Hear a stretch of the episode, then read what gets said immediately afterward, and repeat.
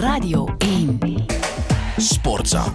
Er zijn wel weer heel wat uiteenlopende emoties uh, opgevangen na die 24e speeldag in de hoogste voetbalklasse. Boosheid en ontgoocheling, uiteraard ook euforie. Peter van den Bemt, goedemorgen. Goedemorgen. Laten we bij dat laatste beginnen. Misschien in uh, de Bosuil, denk ik, stond nog eens in brand gisterenmiddag. Na die overwinning van Antwerpen tegen Club Brugge. Twee goals in het absolute slot van die wedstrijd. Hè. Dan kunnen we denk ik wel van een straffe comeback spreken. Ja, en kijk, eh, stadions en supporters winnen geen wedstrijden, maar je kan toch niet ontkennen dat de Bosuil echt wel een grote rol heeft gespeeld gisteren. Je kan als speler, denk ik, onmogelijk eh, de handdoek gooien voor er is afgesloten, eh, afgefloten in die sfeer. Wanneer elke tackle, een voorzet, een corner bijvoorbeeld, wordt bejubeld als een doelpunt. En het is toch geen toeval, denk ik, dat dit alles bij elkaar uh, zeer wispelturige Antwerp 28 punten gepakt heeft in eigen huis en maar 13 mhm. buiten huis in evenveel uh, wedstrijden. Maar het is natuurlijk ook wel meer dan dat. Hè. Uh, kijk, Le Brugge was gewoon baas in Antwerpen, maar heeft zichzelf heeft zelf een opening gelaten.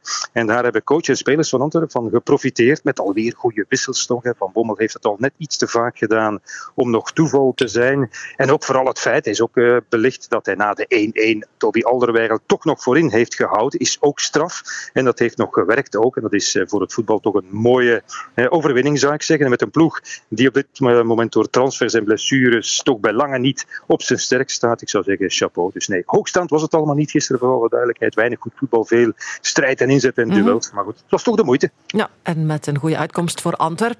Een week geleden zei je wel dat Club Brugge de grote uitdager van Union zou worden. Hoe zit dat dan nu?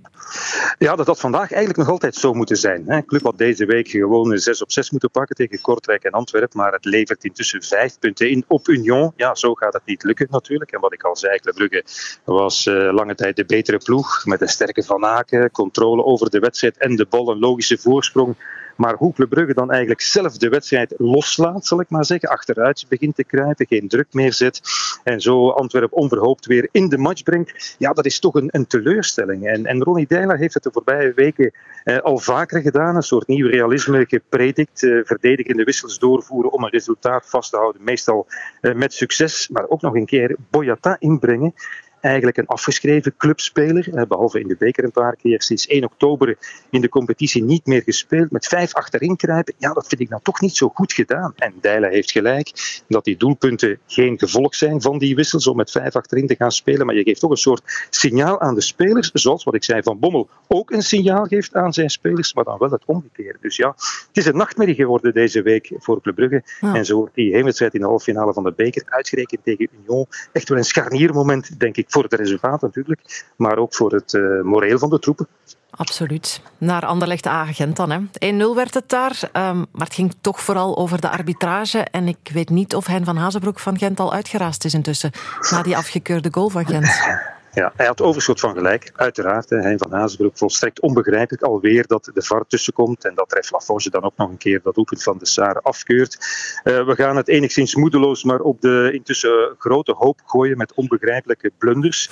En ik kan me tegelijkertijd wel voorstellen dat ze bij Anderlecht een beetje raar opkijken van de ampleur die die blunders van gisteren nu hebben gekregen. En dat in vergelijking bijvoorbeeld die van donderdag in mhm. Mechelen. Of eerder in Leuven, waar Anderlecht dan weer even onbegrijpelijk werd eh, benadeeld. En dat zou natuurlijk eh, kunnen te maken hebben met het megafoongehalte van de trainer van uh, Agent. Want de conclusie van Van Haasbroek is uiteraard wel juist. Zo kan het niet voort. Maar goed, die dateert natuurlijk niet van gisteren na die blunders. Uh, en dat er wat moet veranderen, dat weet uh, niemand beter dan het referee department, dan de voetbalbond, dan de Pro League. Er wordt ook werk van gemaakt, maar dat zal niet volgende week opgelost zijn. En Gent het zal ook niet de laatste ploeg zijn die zich bestolen voelt. En de reacties gaan al maar feller worden naarmate het einde nadert. En dat is ook zo in Gent natuurlijk. Hè. 1 op 12 met een ploeg die aan kwaliteit heeft ingeboet. En in de laatste rechte lijn nog eh, onderling eh, Cercle Brugge, Antwerp, Union. Ja, dan wil je niet ook nog een keer benadeeld worden door de scheidsrechters. Ja. Maar voor alle duidelijkheid, als Agent straks play-off 1 misloopt, zou het toch kunnen dat die 0 op 6 tegen KV Mechelen en Sint-Truiden ook een rol speelt. Dan zal Gent toch ook voor iets tussen zitten, zelf, denk ik. Zelf, inderdaad. En dan zitten we toch nog uh, eventjes bij Standaard ook. Hè. Die horrorweek, dat zakt al maar verder weg in het klassement. Gaan die straks voor de playdowns moeten spelen? Ik zou zeggen dat is ondenkbaar, maar intussen zeer realistisch. Dat nog erger. Je kunt ook, want ze hebben nog een puntje gepakt op het einde bij, bij RWDM. Maar als je kijkt waar Standaard nu staat, Uh, hoe het voetbalt met een Ivan Leko die messcherp was voor zijn spelers. Die hekelde het slechte voetbal, de mentaliteit, uh, de fighting spirit die er niet was op de eerste 20 minuten na. De boze fans, alles bij elkaar nog zeer beschaafd. De spelers die die fans moeten gaan uh, toespreken.